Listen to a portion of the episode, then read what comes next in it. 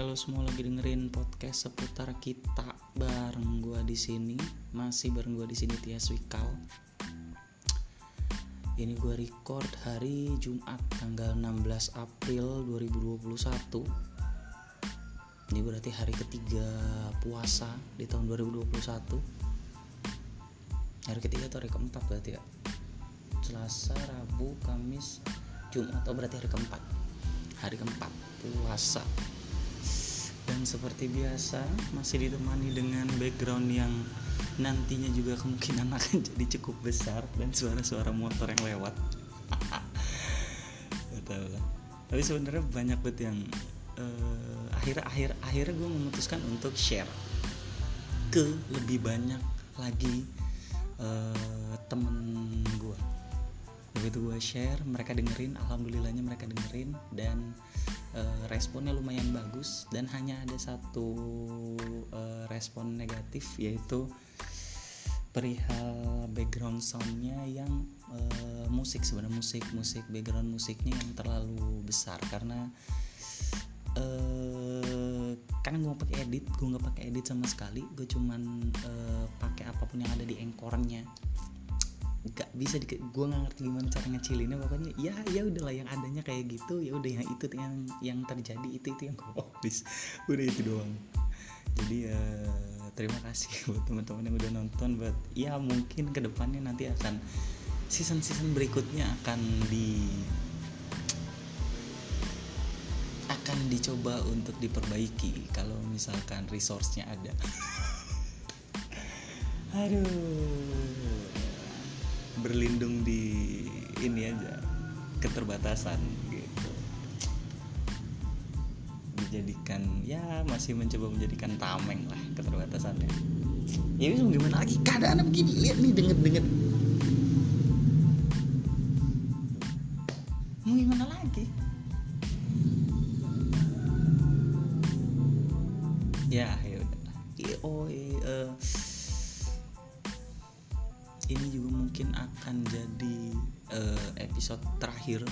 season 1 karena udah bikin kalau sama project pilot berarti udah ada 5 kalau sama ini berarti 6 setidaknya udah melebihi karena karena uh, target gue sebenarnya di season 1 itu jadi satu season itu pengennya satu bulan pengennya ya. Dan uh, gue patokin itu bikinnya either satu bulan itu gue dapet 4 atau dapat 8 jadi karena udah lebih dari 4 walaupun belum sampai 8 ya udah nggak apa-apa. Diakhirin juga nggak ada masalah. Toh podcast podcast gue juga kan. Tapi yang jelas gue bakal lanjut gue bakal lanjut uh, sambil mikirin lagi uh, ide ke depannya bakalan kayak gimana ngomongin apa lagi. Uh, ini juga gue tutup untuk season satunya karena setelah gue share ke makin banyak temen ada satu temen yang ngasih request pertama kalinya gitu.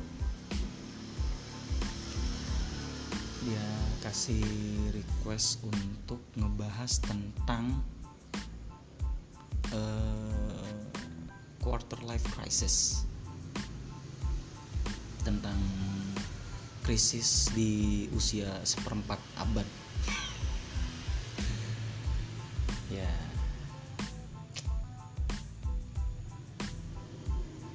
dan uh, eh, gue hanya akan mencoba untuk sedikit membacakan mungkin apa yang gue dapat yang gue temukan di internet. Karena hanya itu resource yang gue punya gue nggak punya buku tentang psikologi apa pun. Jadi ya mungkin nantinya kalau ada pendengar dari pendengar gue ini anak psikologi atau uh, yang lebih ngerti mungkin boleh kasih tahu gue lagi karena uh, ini kemungkinan juga akan gue share linknya ke Instagram gue mungkin mungkin ini ya mungkin. Dan dan dan menurut gue pembahasan quarter life crisis ini jatuh-jatuhnya kayak konklusi kayak konklusi dari dari episode 1 sampai episode 4 yang udah gue buat tentang uh, dilemanya milih jurusan melobi orang tua buat uh, kuliah gitu. Terus tentang permasalahan uh, nikah permasalahan uh, kehidupan yang selalu keluhkan di Twitter dan permasalahan-permasalahan lainnya maksudnya Iya dan sekarang juga gue baru sadari bahwa keresahan yang gue rasakan selama ini ternyata itu ada ada namanya. Gitu ada ada ada satu satu apa ya ada sebutannya gitu. Dan dunia modern mengenal itu sebagai quarter life crisis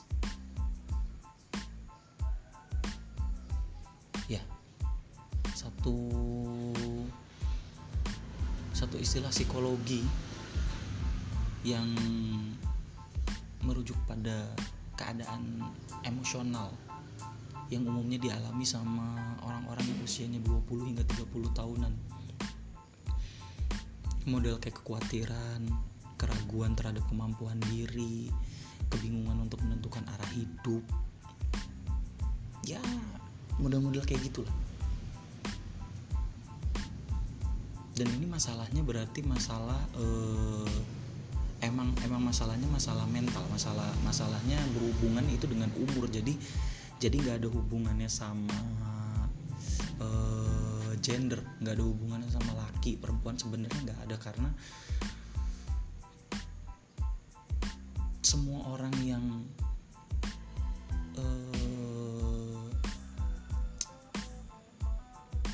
merasakan usia 20 sampai 30 mungkin akan merasakan itu. Mungkin mereka nggak tahu sama kayak gue sebelumnya bahwa itu ada sebutan. Mungkin juga mereka tahu tapi ya either mereka beneran ignoran aja atau misalkan uh, mereka tahu cara ngatasinnya gitu. Tapi tapi tapi ternyata ini adalah satu hal yang umum terjadi. Sebuah krisis di mana terjadi pada saat usia kita itu berada di seperempat abad. Harusnya kalau quarter berarti kan 15 ya. Udah mulainya dari 15 dan kudunya. Ya nggak tahu juga sih. Anak, anak eh, kalau anak umur 15 tahun apa coba ini struggle apa apa apa? Dia mau beli tijus mau beli cireng kan enggak ya? Struggle-nya kan kayak itu ya? Enggak sih karena karena karena emang kayaknya dimulainya dari usia belasan kayak 17 18 gitu. Ya dimulai-mulai dari awal-awal lulus SMA atau sebelumnya lagi milih-milih uh, jurusan kuliah. Mulai-mulai kayak gitulah kayaknya ya. Ya gitulah kalau cari di internet juga lo bisa nemu bahwa krisis ini tuh dipicu oleh tekanan yang dihadapi oleh kehidupan ya baik dari dalam diri ataupun dari lingkungan gitu. Belum memiliki tujuan hidup yang jelas sesuai dengan nilai-nilai yang diyakini. Entah gue juga nggak tahu nilai siapa yang diyakini entah itu nilai mayoritas atau nilai uh, perspektif pribadi?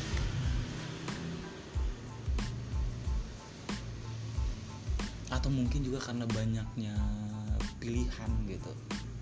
Sampai akhirnya lu bingung gitu mau ke mana? Mau milih yang mana? Dan biasanya ditandai dengan eh, perasaan-perasaan gagal untuk mencapai satu tujuan tertentu. Ya. Galau-galaunya galau-galaunya idealis muda lah. Ya idealis muda semua sih. Kalau yang tua mah pada realistis semua. Galau-galaunya idealis gitu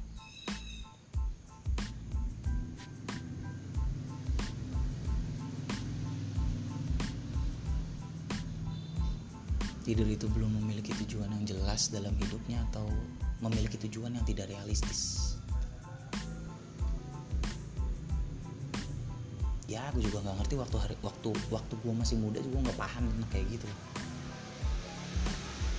Ya sebenarnya gue masih muda sih. Entah kenapa gue ngomong kayak gini tapi maksudnya nanti gue dicerita nanti gue ceritain di belakang kenapa akhirnya gue ngerasa kayak gini. Karena uh, seperti ada dua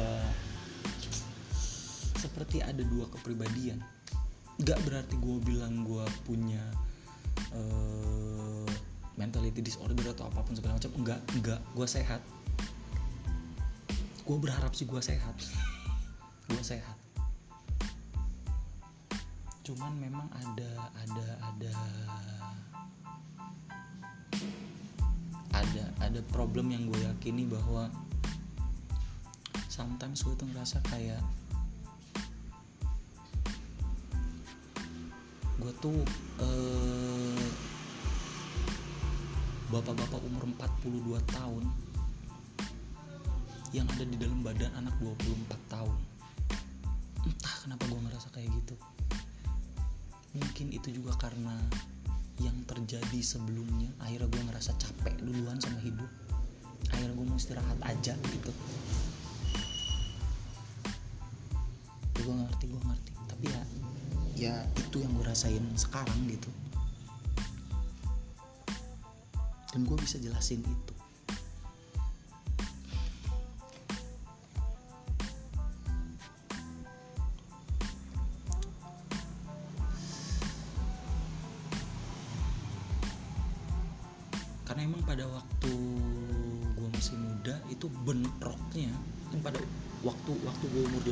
18 20-an ya. Waktu umurnya 18 dan 20-an itu emang waktu yang e, dari 20 24 itu emang waktunya singkat ya. Cuma gue ngerasa panjang banget kayak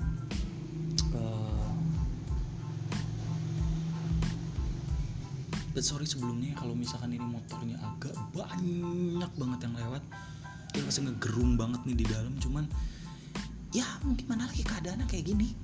Keadaannya kayak gini mau gimana lagi? Gue juga nggak ngerti kenapa. Kemarin-kemarin sepagi ini belum banyak motor yang lewat tapi ya again.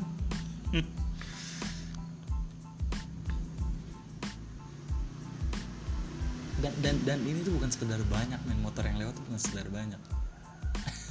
Ini banyak banget. Gak ngerti lagi gue tapi intinya kayak gitu.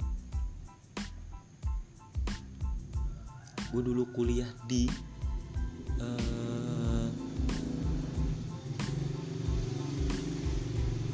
gue waktu itu kuliah di Institut Teknologi Nasional Bandung. Gue ambil jurusan arsitektur.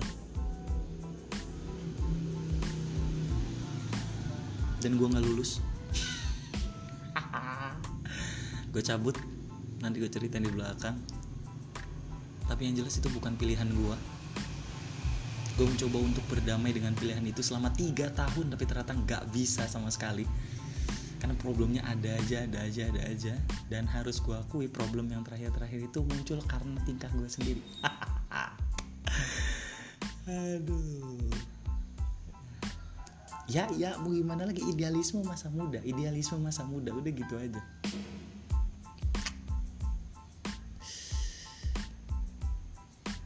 arsitektur itu pilihan bokap. Karena sebenarnya eh, dulu gue cuma pengen jadi guru. Dan keinginan itu tuh berangkat dari keresahan gue waktu SMA sama guru-guru gue yang ada di SMA udah gitu aja intinya mah. Jadi gue pengen tahu gitu maksudnya memang sesulit itu ya untuk menjaga idealisme yang dipunyai eh, pada pada pada pada diri setiap orang gitu. Maksudnya menjaga idealisme tapi juga tetap bisa realistis gitu. Maksud gue bilang gue bisa tetap memperdulikan kerjaan gue ngajar tapi gue juga bisa memperdulikan murid-murid gue gitu jadi nggak cuman sekedar datang masuk kelas ngajar tuntas pelajarannya selesai terus dia keluar tanpa memikirkan muridnya tuh bisa atau enggak atau khususnya kelas 3 apa yang akan dia capai setelah itu. Itu itu itu itu keresahan gue waktu SMA nah berangkat dari situ akhirnya gue memutuskan gimana caranya supaya gue bisa berkontribusi di hal yang selama itu uh, selama ini gue rasakan gitu. Ya satu-satunya cara adalah dengan gue jadi guru. Tapi gue gue nggak mau jadi guru yang hanya sekedar uh, guru. Maksudnya dalam artian gue mau mata pelajaran yang gue ambil itu adalah mata pelajaran juga yang nantinya akan di uh, gunakan untuk tes masuk tes lulus sekolah atau tes masuk perguruan tinggi gitu. Jadi either itu pelajaran eksak pelajaran IPS atau bahasa. Bahasa Indonesia atau bahasa Inggris. Karena karena karena cuma itu yang gue kuasai. Dan orang-orang pasti akan murid-murid pasti akan cari gue karena ya mereka butuh gitu. Di, di di mata pelajaran itu mereka butuh. Intinya kayak gitu tapi gimana caranya nanti pas waktu gue ngajar gue masih tetap bisa jaga idealisme gue bahwa minimal minimalnya kalau gue jadi wali kelas anak murid gue yang yang yang gue waliin itu semuanya punya tujuan hidupnya masing-masing gitu. Bisa nggak sih gue kayak gitu? Kalau misalkan pun iya bisa bisa bertahan sampai berapa lama ya kira-kira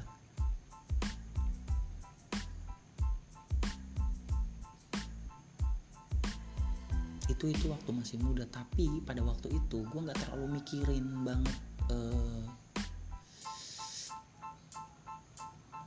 pertimbangan apa yang diambil sama uh, bokap gue untuk akhirnya memaksakan dia memaksakan gue untuk ada di jalan yang uh, mungkin udah dia susun gitu. Karena karena kepercayaan gue kan kalau kepercayaan gue kan gini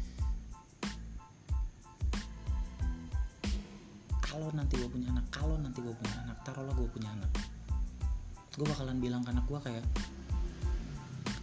kalaupun uh, eh, gue mau gue nggak mau anak gue tuh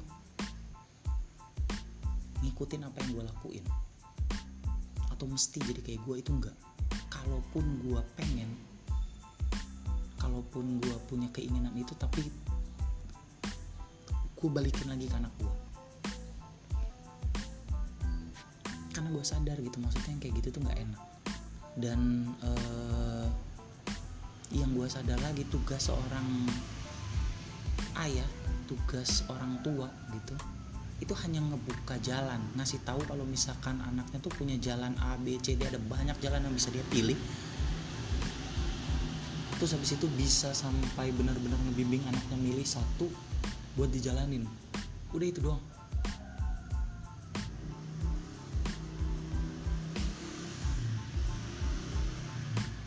nggak peduli richnya sebesar apa asalkan nggak nggak nyakitin orang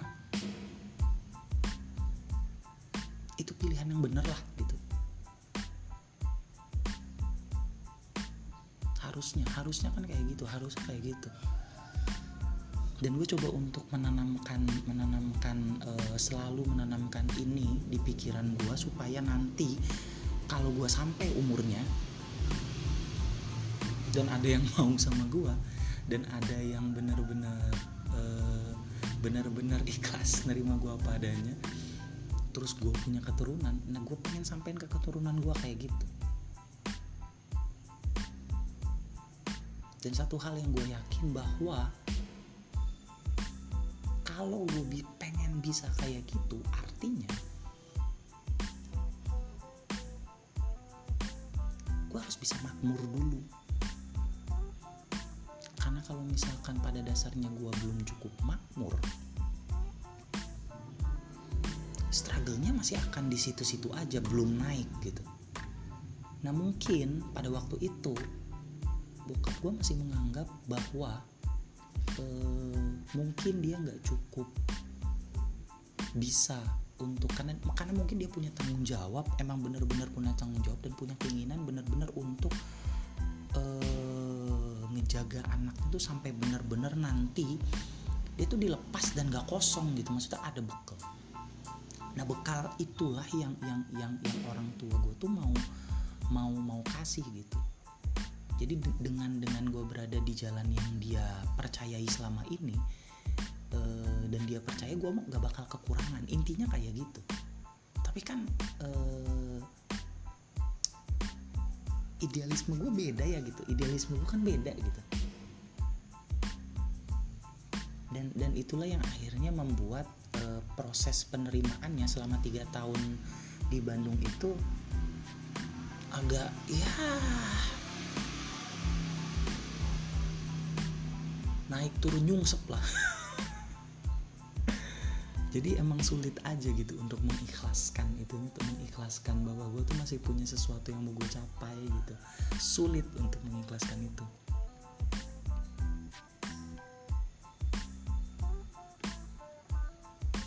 Emang harus makmur dulu gitu baru baru bisa mikirin buat beradab.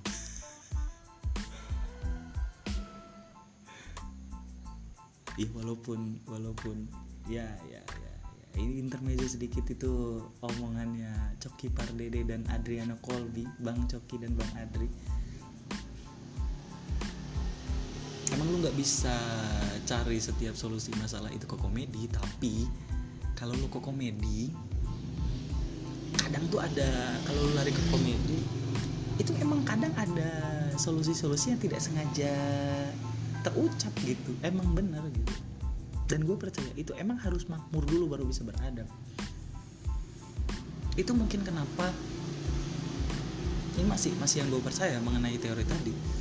Uh, kenapa Indonesia masih belum bisa untuk membahas tentang sistem pendidikan yang baik?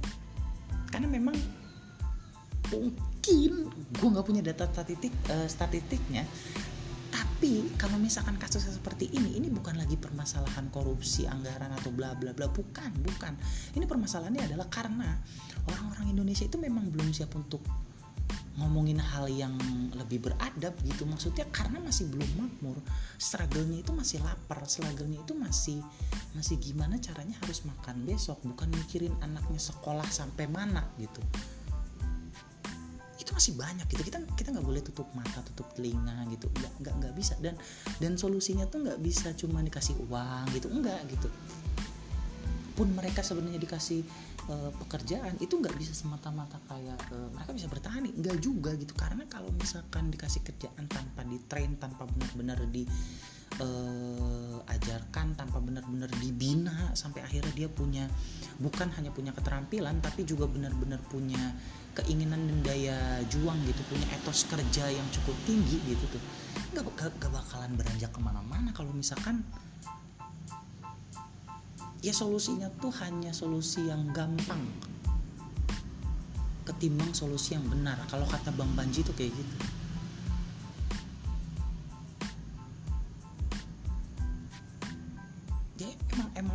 itulah yang terjadi. Emang itulah yang terjadi. Gubrak lagi tuh kursi. Goblok.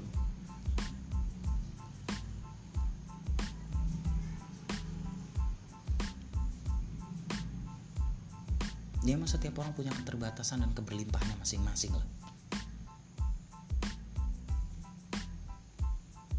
Dan uh, yang gue percaya juga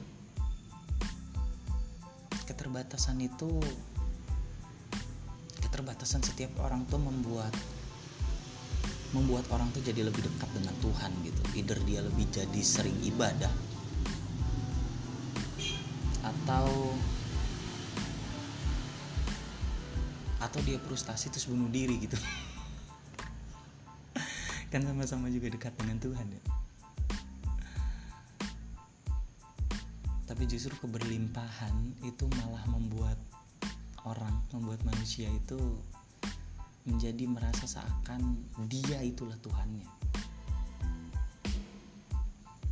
Teori teori teori gue juga nggak sepenuhnya salah sih kayak gitu. Yang gue percaya nggak sepenuhnya salah sih. Ya mungkin minimal zaman zaman dulu tuh masih bener lah.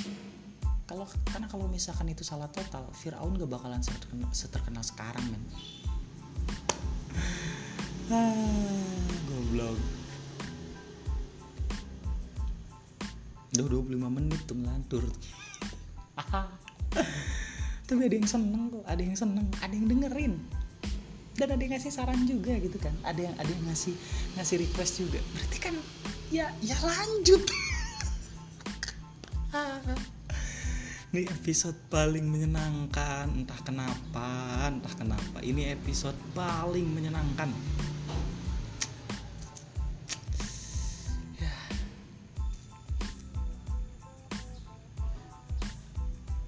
ini adalah yang mereka butuhkan gitu. Yang pendengar-pendengar gue butuhkan. Cia pendengar.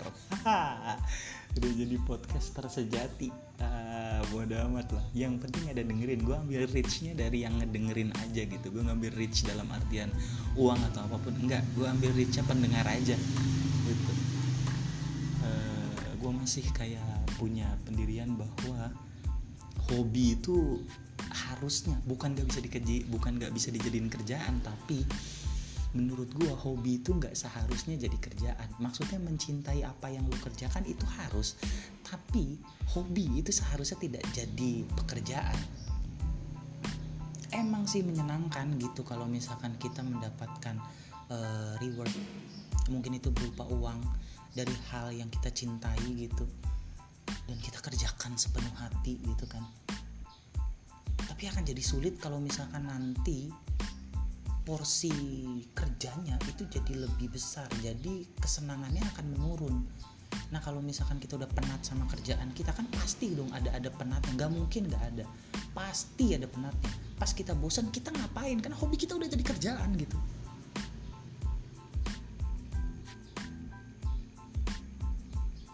jadi makanya e, untuk urusan kayak gini kayak bikin podcast atau apa pun segala macam ini hobi. Udah itu inti itu aja. Kerjaan gue ya ya ya ya sekarang gue kuliah di sipil ya kerjaan gue aja di insinyur udah gitu aja gitu. Yang kebetulan emang bisa banyak bacot.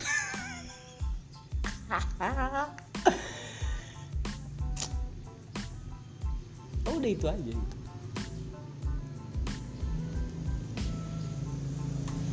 gue tetap bisa mencintai apa yang gue kerjakan kok walaupun prosesnya akan jadi jauh lebih lama ketimbang gue mengerjakan uh, apa yang tadinya gue cintai. Tapi pas nantinya timbul masa bosan jadi gue bingung karena hobi gue udah kepake. Hobi gue ya kerjaan gue gitu. Gue nggak mau ada di posisi itu sih. Gue masih percaya bahwa mencintai kerjaan itu harus tapi uh, menjadikan satu hal yang kita cintai jadi kerjaan itu nggak perlu sih. Ya.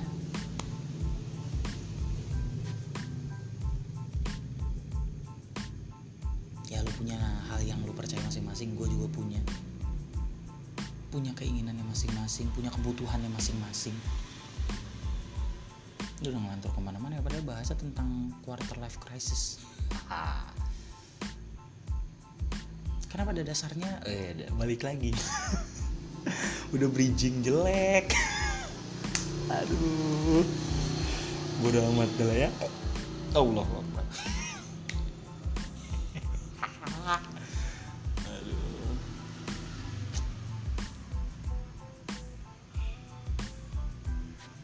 Udah gue record jam 8 pagi by the way menit ke 30 ya. Ini harusnya udah selesai nih tapi ya bodo amat lah. Ini kali ini bakalan agak panjang sih kayaknya tapi bodo amat. Mungkin 45 menit atau atau bisa sampai satu jam.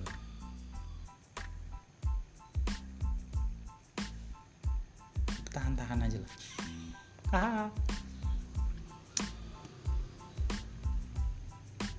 Tapi memang mengenai uh, kalau ngebahas lagi soal quarter life crisisnya itu karena pada dasarnya apa yang membuat itu semua kan adalah eh,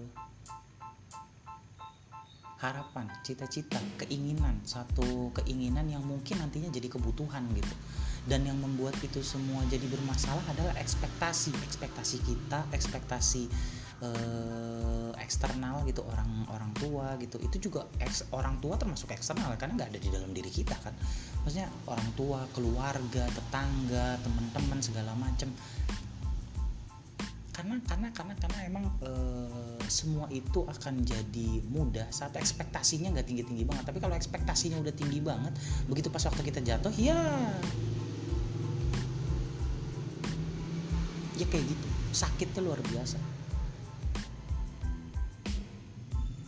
Kalau kata e, Abraham Maslow Abraham Harold Maslow seorang psikolog Amerika udah zaman jebot nih dia pernah bilang soal uh, hierarki kebutuhan atau mungkin kita lebih kenal sekarang dengan uh, hierarki kebutuhan Maslow atau Maslow's hierarchy of needs. Dan uh, dia nyebutin kalau misalkan manusia tuh punya piramida kebutuhannya kayak gitu. Dari yang paling bawah sampai yang paling atas yang paling bawah itu ada kebutuhan fisiologis atau physiological needs dan kemudian ada kebutuhan akan rasa aman safety uh, atau security needs. Kemudian ada juga kebutuhan akan rasa memiliki dan kasih sayang gitu. Terus ada juga kebutuhan akan penghargaan. Dan uh, ada juga yang paling terakhir yang paling puncaknya nih itu adalah kebutuhan akan aktualisasi diri. Self actualization kurang lebihnya kayak gitu. Dan di hipotesisnya si uh, Om Maslow anjir. Kayak lebaran ketemu aja lo ngomong Om. Om Maslow ini memberikan satu hipotesis bahwa uh, individu itu memuaskan kebutuhan pada tingkat yang paling bawah dulu. Kemudian nanti bakalan naik nih ke tingkat-tingkat berikutnya dan kalau misalkan e, tingkat yang bawahnya itu sewaktu-waktu terasa agak kurang atau belum terpenuhi dia pasti balik lagi ke bawah gitu. Dan gak bakalan ngelihat ke atas. Terus e,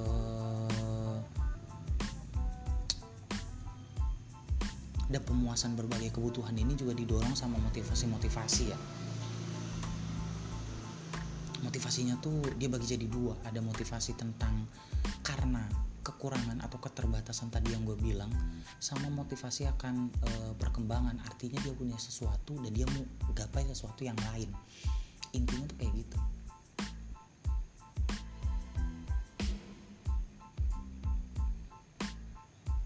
Dan ini yang ini adalah bukti dari maksudnya teorinya dari bukti yang ada sekarang gitu karena kalau misalnya motivasinya seseorang itu masih berdasarkan kekurangan dia nggak bakalan bisa mikirin hal-hal yang di atasnya atau nggak bakalan nggak bakalan eh, nggak bakalan kepikiran buat mikirin yang di atas gitu. Tapi kalau misalkan dia udah udah udah cukup gitu udah udah satu dia bakalan bisa mikirin yang lain-lain gitu.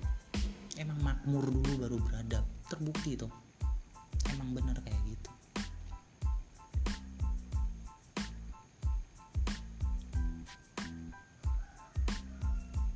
Nah soal uh, kebutuhan fisiologisnya tuh yang lima tadi itu yang paling bawah tuh kebutuhan fisiologis itu model kayak keuangan, makan segala macam. Jadi intinya masih masih uh, sandang pangan tapi belum papan karena papan itu kebutuhannya ada di rasa aman gitu kalau misalnya menurut dia di mana lu kalau misalkan udah bisa cari uang sendiri lu udah bisa satu lu pasti punya keinginan untuk ingin mempunyai tempat tinggal pribadi. Kepemilikannya kepemilikan lu gitu. Situ itu hubungannya masih sama finansial itu basic needsnya banget itu basic paling bawah. Kayak gitu. Itu tuh basic basic banget. Terus habis itu lu baru baru nantinya naik ke psychological psychological needs yang dua di atasnya yaitu kebutuhan akan rasa memiliki dan kasih sayang kemudian juga ada kebutuhan tentang penghargaan. Gitu. Dan ini yang terjadi sama beberapa orang yang sekiranya dia udah sapel gitu udah punya uang banyak segala macem.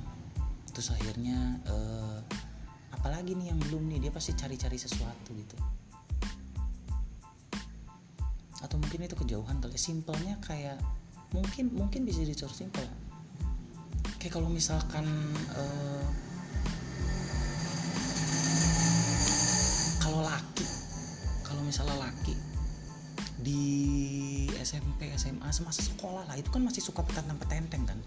Masih suka uh, punya kebutuhan untuk punya pasangan gitu. Karena karena dia nganggap kebutuhan basicnya itu sudah terpenuhi. Jadi yang perlu dia uh, penuhi sekarang adalah kebutuhan yang psikologisnya gitu. Tapi nanti pada saat dia kuliah atau dia kerja dia ngalamin satu masa yang sulit itu kayaknya dia nggak kepikiran buat menuhin kebutuhan psikologisnya gitu. Ah, mending sendiri aja udahlah gitu. Itulah yang terjadi di beberapa episode ke belakang yang gue bahas kalau ini ini ini kepercayaan gue sendiri ya yang yang emang gue alami dan dan gue lihat dari lingkungan sekitar gue gitu. Dan gue percaya yang gue percaya adalah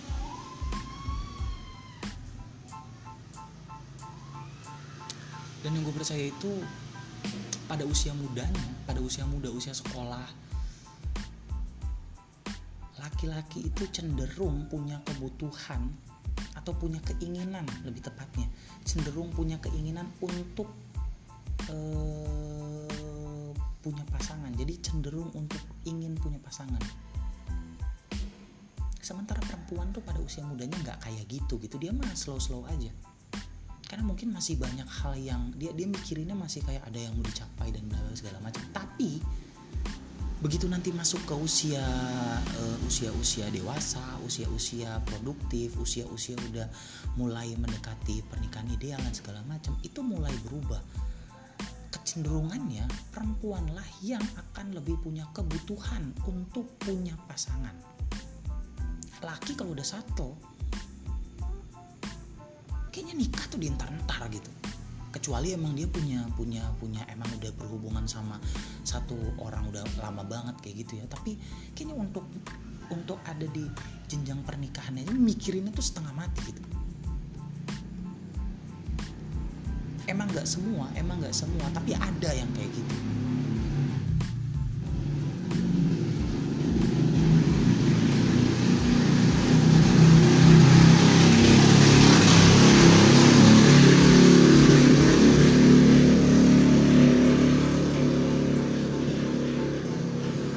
Contoh laki bangsat tuh yang kayak gitu tuh contoh laki bangsat tuh yang kayak gitu tuh anak muda bangsat tuh kayak gitu tuh. Bodoh amat dah kurang kurang pala puasa gue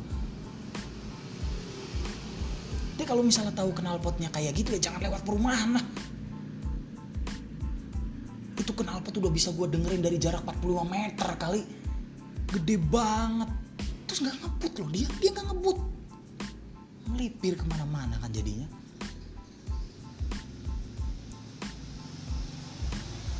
Ya ya udahlah. Udah pokoknya intinya kayak gitu. Apaan sih? Gak gara-gara knalpot bangsat tuh emang. Udah amat lah tapi intinya kayak gitu gue ulang. Di usia mudanya laki itu lebih punya kecenderungan untuk ingin punya pasangan. Sementara perempuan slow.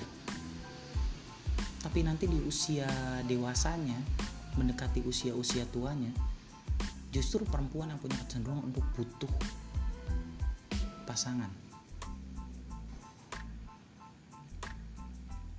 setidaknya itu yang itu yang itu yang yang gue percaya dan setidaknya itu yang terjadi di lingkungan sekitar gue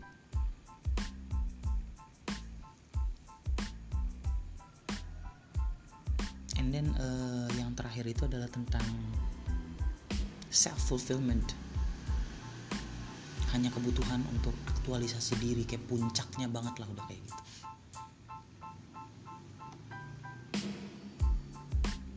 nah menurut gue kayak uh, satu quarter life crisis itu emang bisa terjadi karena kita mencoba untuk memenuhi ekspektasi dari kebutuhan-kebutuhan tersebut gitu.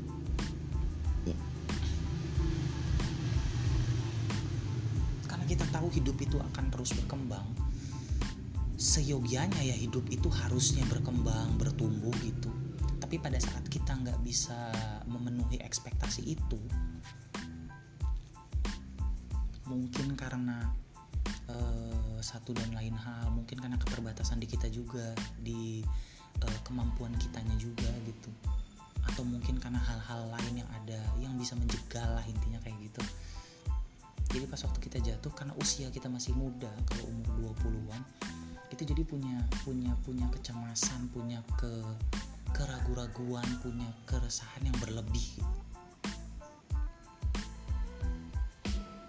dan dan dan itu problemnya. Yang disebut quarter life crisis itu mungkin yang dirasakan adalah itunya. Si si masa-masa di mana uh, kita tuh merasa resah kita tuh merasa ragu kita tuh merasa serba salah lah pokoknya kayak gitu.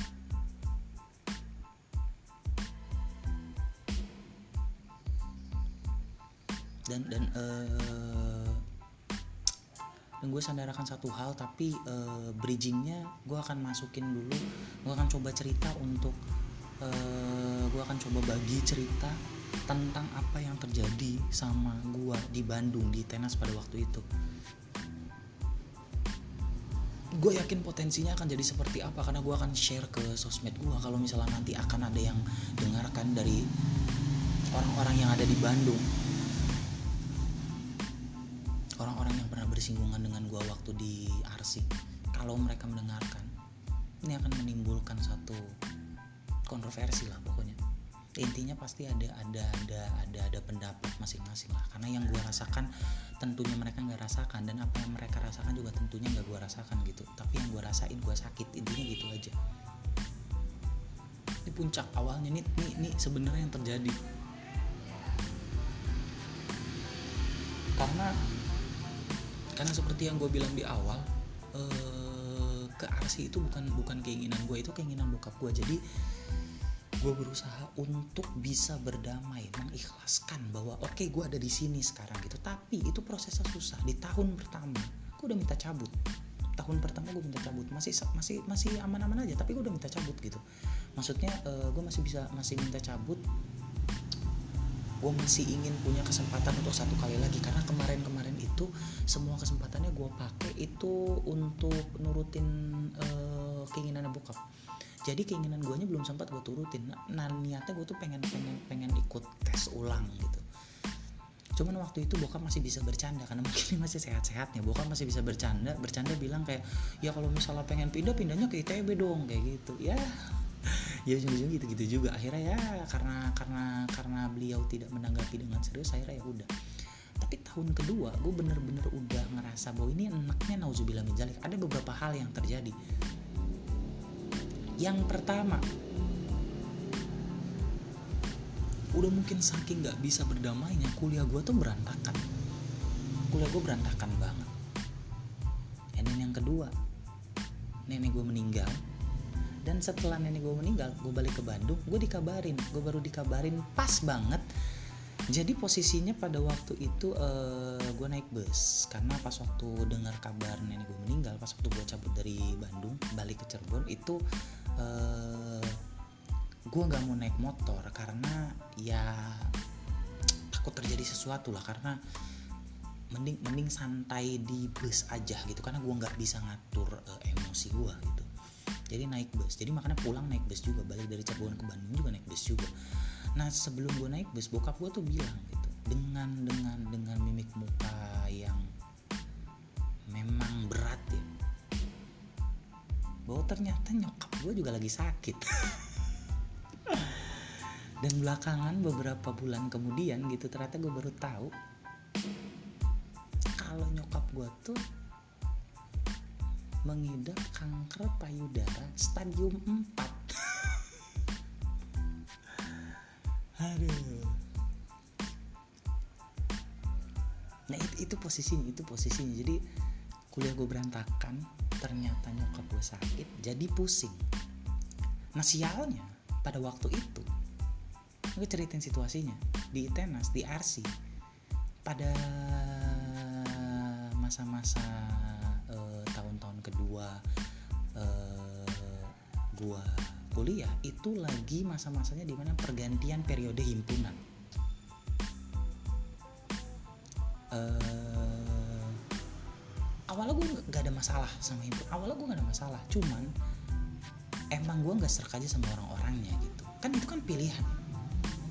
Lo mau ada di mana pun lo mau ada di tempat mana pun selama itu bikin lu nyaman ya lu tetap di situ gak ada masalah gitu nggak ada yang bisa maksa lu keluar dari zona nyaman lu tuh nggak ada yang bisa. Nggak ada yang boleh bahkan. Kalau misalkan ada orang-orang yang bilang kayak ah lu mah di zona nyaman dulu ya emang kenapa gitu? Gue gue nemuin zona nyaman gue itu nggak gampang gitu. Terus kalau pas gue udah nemuin ini kenapa gue harus lepas?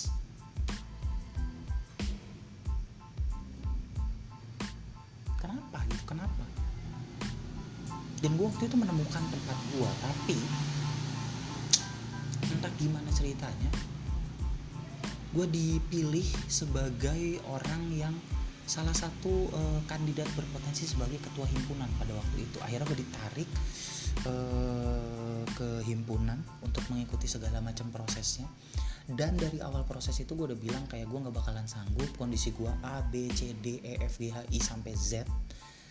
Dan gue nggak bakalan sanggup untuk ada di himpunan. Apalagi jangankan untuk uh, jadi ketua jadi anggotanya aja ikut serta kayaknya gue nggak sanggup gitu. Karena untuk untuk untuk nanggung beban gue sendiri aja untuk ngejalanin hidup yang dengan trouble gue sendiri aja gue tuh masih nggak bisa gitu. Tapi pada waktu itu anak-anaknya masih optimis gitu. Entah optimis atau hanya nggak ngerti. Tapi mereka bilang udah kal kalem aja nanti di backup segala macam bla bla bla bla bla bla bla bla yang intinya sebenarnya backupan mereka itu yang gue rasakan ya. Itu bukan backupan itu hanya sebagai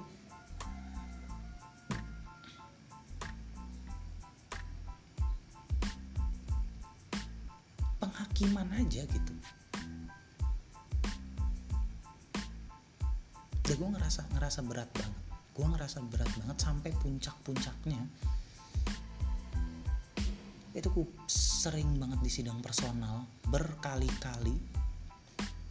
Karena karena karena masalah yang sama dan gue juga udah jelasin dari awal dan uh, eh, gue punya masalah personal yang gue tuh harus settle dulu nih sama diri gue baru gue bisa mikirin orang lain gitu. Tapi mereka tuh cuma bilang ya udah kal profesionalitas aja. Men come on. Lu nggak ngerasain coba lu ada di satu waktu. Ada satu kesempatan di dalam satu waktu yang lumayan panjang. Kuliah lu berantakan nyokap lu sakit bokap lu nggak punya duit tapi lu kudu mikirin orang lain lu kudu mikirin orang yang bahkan belum tentu mikirin lu gitu. yakin lu bisa? Nggak akan. Itu dibatasnya banget orang tapi dengan santainya mereka bilang tuh kayak udah kah profesionalitas aja blar. Sampai di ending di di akhir nih sebelum akhirnya gue memutuskan untuk oke okay lah ya udah gue cabut karena sih udah gak sehat. Itu ada salah satu dari uh, circle itu bilang ke gue kalau misalkan kalau misalkan lo nggak kuat kenapa lo nggak cabut aja dari awal? Men gue udah bilang dari awal. Itu itu sebenarnya pukulan banget ke diri gue kayak anjing percuma nih berarti gue bertahan sampai sekarang nih sampai gue kayak gini kayak gini kayak gini kayak gini gitu tuh. Kan gue udah bilang dari awal gue nggak bisa dan gue nggak mau. Lau yang pada maksa gue ada di situ.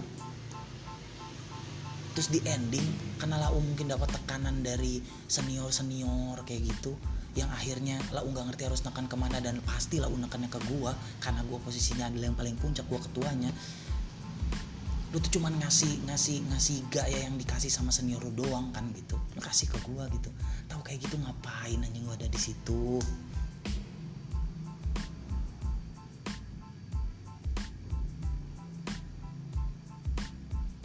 Ya akhirnya gue cabut gitu. Karena pada dasarnya emang manusia hanya akan memikirkan diri mereka sendiri nggak peduli sama apa yang terjadi sama orang lain kalau misalkan dia ngerasa sakit dan orang itu yang harusnya Eh, orang-orang uh, itu orang itu berhubungan gitu ya dia bakalan ngelimpahin semua rasa sakitnya.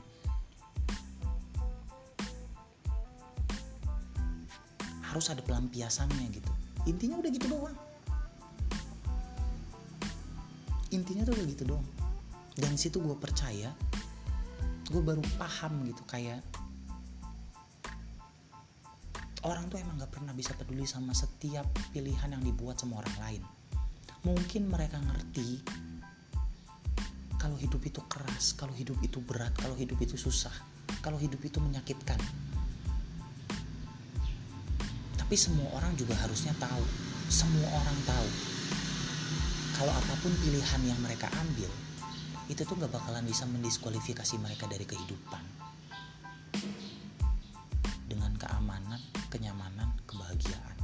Dave Chappelle yang ngomong.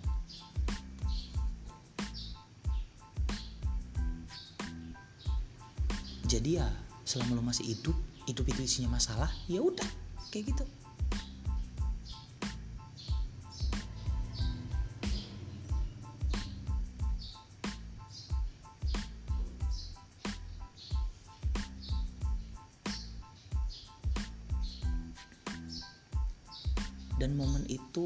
Masa-masa itu adalah masa-masa yang membuat akhirnya gue merasa di dalam diri gue itu bukan dewasa ya tua dengan sendirinya. Tua dengan sendirinya. Tua sebelum waktunya.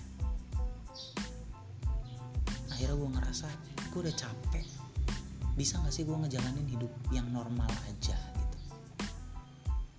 Ada sesuatu yang gue kerjain? Enggak ya udah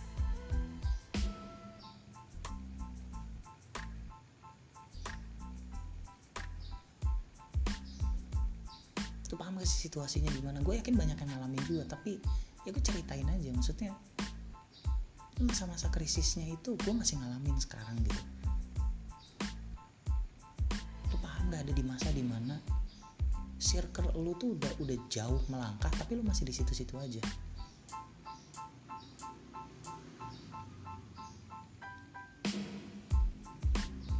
Lu pengen main lu pengen ngobrol lu pengen apa tapi circle lu tuh lagi oh sorry kal. Gue lagi gue, gue masih kerja. Oh sorry kal. Gue gini. Oh sorry kal. Gue gini gitu.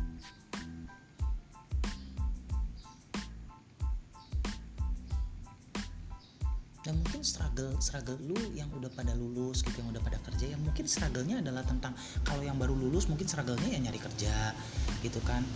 Walaupun sebenarnya menurut gue sangat tidak bijak juga untuk seorang fresh graduate pindah-pindah tempat kerja hanya berdasarkan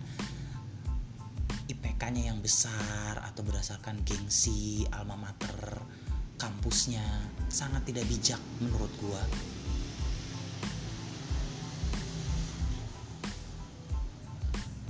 Ya lu emang punya hak untuk itu tapi lu lu lu, lu harusnya punya punya sedikit rasa simpati atau empati ke orang lain gitu.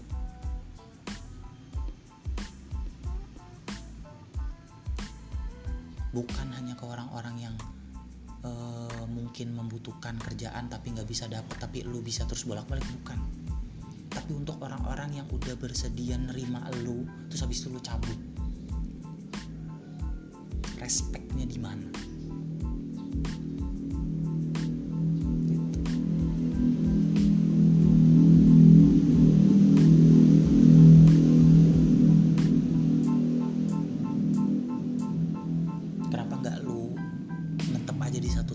di satu kerjaan itu dan coba lu cintai apa yang lu kerjakan sekarang gitu. Karena kalau udah masa-masanya kayak gitu lu nggak bisa lagi mikirin aku pengen ngerjain apa yang gue cintai. Nggak nggak bisa men. Itu waktunya. Bukan lu lagi mikirin ngerjain apa yang lu cintai tapi lu cintai apa yang lu kerjakan. Udah itu doang. Beres. Sisanya kalau lu penat lu cari apa yang lu cintai lain untuk jadi hobi lu. Udah gitu doang. Beres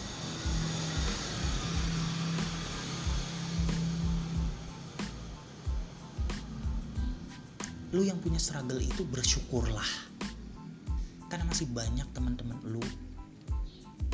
Mungkin di antara lu semua adalah teman gua dan itu berarti adalah gua. Yang masih harus mikirin UTS, UAS, praktikum, belum sampai KP, belum sampai KKN, belum ngerasain skripsi.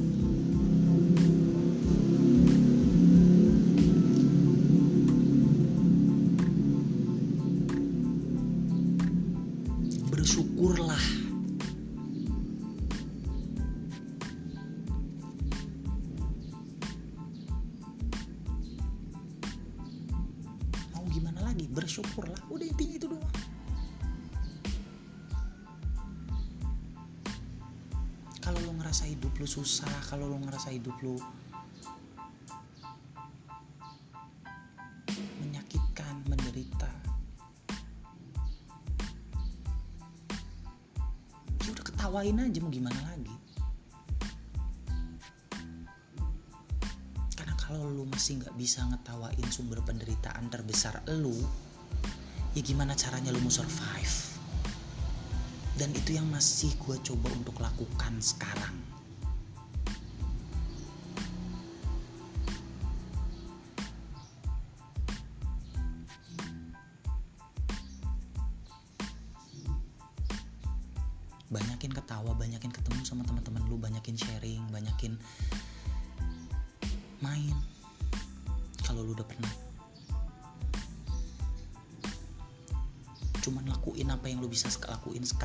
lakuin aja.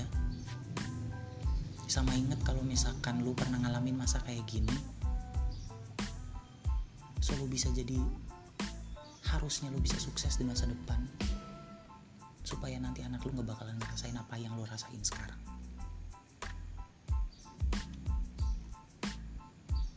Sih mungkin itu aja.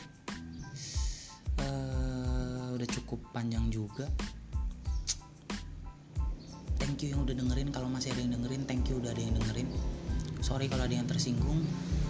Uh, dan kalau ada yang tersinggung uh, gue cantumin Instagram gue juga. Dan kalau lu semua yang tersinggung adalah temen gue lu tahu kontak gue lu tahu gue tinggal di mana so ya gampang nyari gue ya mungkin itu aja sampai jumpa di season selanjutnya. Yuk bubar